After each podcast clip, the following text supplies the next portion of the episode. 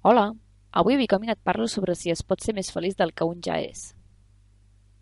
Imagina algun dels moments on has estat més feliç.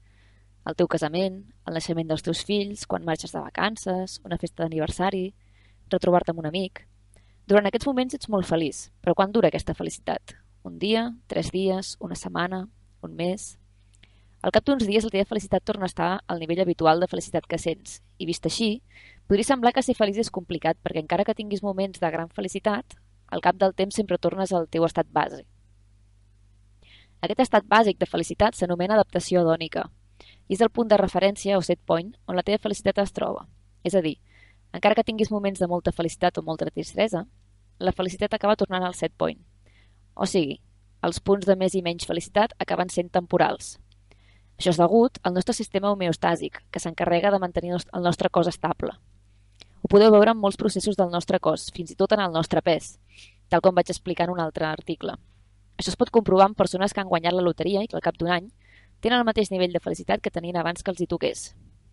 I si tot això hi afegeixes que el benestar té un component d'heredabilitat genètica que pot arribar al 50%, que suggereix que la capacitat de gaudir, l'emocionalitat positiva i altres elements relacionats amb l'efecte positiu poden estar limitats per la genètica, sembla que modificar la nostra felicitat estigui limitada. Llavors, això vol dir que no podrem ser mai més feliços del que, més feliços del que som ara? No desanimis. Encara que l'adaptació dònica s'encarregui de mantenir el nostre estat d'ànim al mateix nivell, el set point es pot modificar. En situacions extremes com la viudetat o ser acomiadat de la feina, pot crear nivells d'infelicitat que facin que es tardi anys en tornar al nivell de benestar anterior a l'esdeveniment. Però també hi ha canvis en funció de l'edat de les persones. Les persones més grans mostren un major efecte positiu que els més joves. I això indica que hi ha canvis emocionals al llarg de l'aprenentatge vital degut a canvis en l'actitud. És a dir, amb els anys aprens a prendre la vida d'una altra manera i això et produeix major benestar.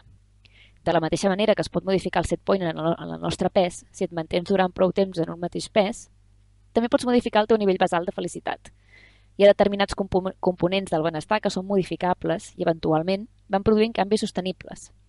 Es diu que almenys un 40% de la variabilitat del benestar pot ser degut a elements com l'actitud, activitats i hàbits quotidians que poden contribuir a millorar el nostre estat emocional, ja que són els elements modificables. Així doncs, encara que sembli que pot ser més feliç sigui difícil, pots aconseguir augmentar-la aprenent activitats per millorar la teva actitud, per canviar hàbits quotidians o realitzar activitats que millorin el teu benestar.